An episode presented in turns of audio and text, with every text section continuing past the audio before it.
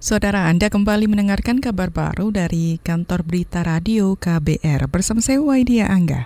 Bekas pimpinan Komisi Pemberantasan Korupsi hari ini mendatangi gedung anti rasuah. Ketua KPK periode 2003-2007, Taufikur Rahman Ruki menjelaskan kedatangannya untuk mendukung KPK dari sejumlah persoalan yang muncul, salah satunya revisi Undang-Undang KPK. Ruki menyerukan pemerintah dan DPR tidak tergesa-gesa membahas revisi Undang-Undang KPK. Mudah-mudahan ini didengar. Saya tahu Presiden sibuk sekali, DPR juga sangat sibuk karena ini injury time, masa kerja mereka hanya tinggal kurang lebih 18 hari. Tapi mudah-mudahan forum sekarang ini didengar oleh beliau-beliau untuk setidak-tidaknya mempertimbangkan pembicaraan dari kami-kami bukan lebih pintar, tapi paling tidak kami nyemplung di tempat ini sudah sejak tahun 2002, sejak mulai undang-undang dibuat sampai dengan badan ini dibentuk. Ketua KPK periode periode 2003-2007, Taufikur Rahman Ruki mendesak pemerintah dan DPR menerima aspirasi dan pendapat dari masyarakat. Sebelumnya, tiga pimpinan KPK periode 2015-2019 mengembalikan mandat kepemimpinan kepada Presiden. Ketua KPK Agus Raharjo menjelaskan penyerahan mandat ini karena lembaganya tidak dilibatkan perencanaan revisi Undang-Undang KPK. Kita beralih ke berita selanjutnya. Kementerian Lingkungan Hidup dan Kehutanan atau KLHK mengaku tidak berwenang menetapkan status kebakaran lahan dan hutan di sejumlah provinsi menjadi bencana nasional. Juru bicara KLHK, Jati Wicaksono mengatakan kewenangan itu ada di tangan Presiden, bukan di kementerian, lembaga negara, atau pemerintah daerah. Misalnya kan provinsi sekarang 6, gubernur menetapkan sendiri sesuai dengan kriteria-kriteria yang ada di, di kebencanaan. Kalau kita kalau udah masuk siaga baru kita termasuk itu yang kita akan cermati lagi gitu lah. Tapi bukan bukan kita menentukan itu bukan, enggak.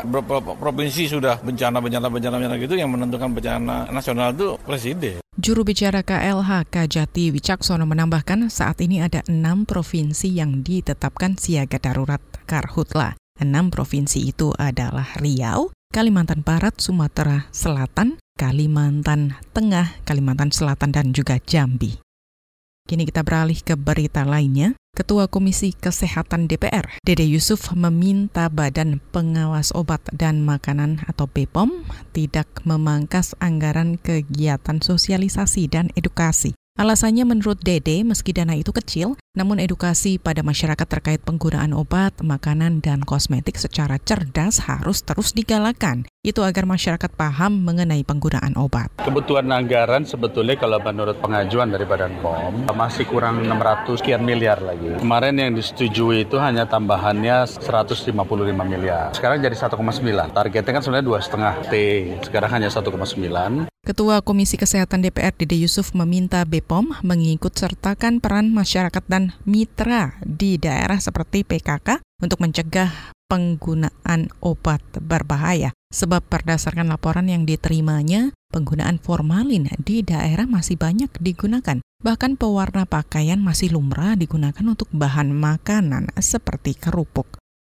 Kita beralih ke Jawa Tengah petani korban dugaan kekerasan TNI di Desa Brecong, Kebumen, Jawa Tengah menunda pelaporan ke kepolisian atas tindak kekerasan yang dialaminya. Mereka terlebih dulu memilih mengadukan kasus ke Komisi Nasional Hak Asasi Manusia atau Komnas HAM. Perwakilan petani Widodo Sunu Nugroho menyebut masyarakat masih mempertimbangkan dampak pelaporan tersebut ke korban. Tidak bisa pungkiri bahwa korban itu bisa jadi korban dua kali. Karena sudah jadi korban, kemudian nanti dia juga harus meluangkan waktu, tentunya juga mengeluarkan biaya untuk wirawiri dan sebagainya. Belum resiko sosial seumpama misalnya ada intimidasi. Perwakilan petani yang tergabung dalam kelompok urut sewu bersatu atau USB, Widodo Sunu menambahkan saat ini pemagaran lahan oleh TNI masih dihentikan sementara namun para petani belum lega meski petani yang tanahnya dilintasi pagar memiliki sertifikat. Sebelumnya terjadi pemukulan yang dilakukan oleh anggota TNI kepada petani terkait konflik lahan ini. Dari kejadian ini sedikitnya 15 orang terluka dan satu orang tertembak peluru karet. Saudara, demikian kabar baru dari KBR. Saya Waidia Angga.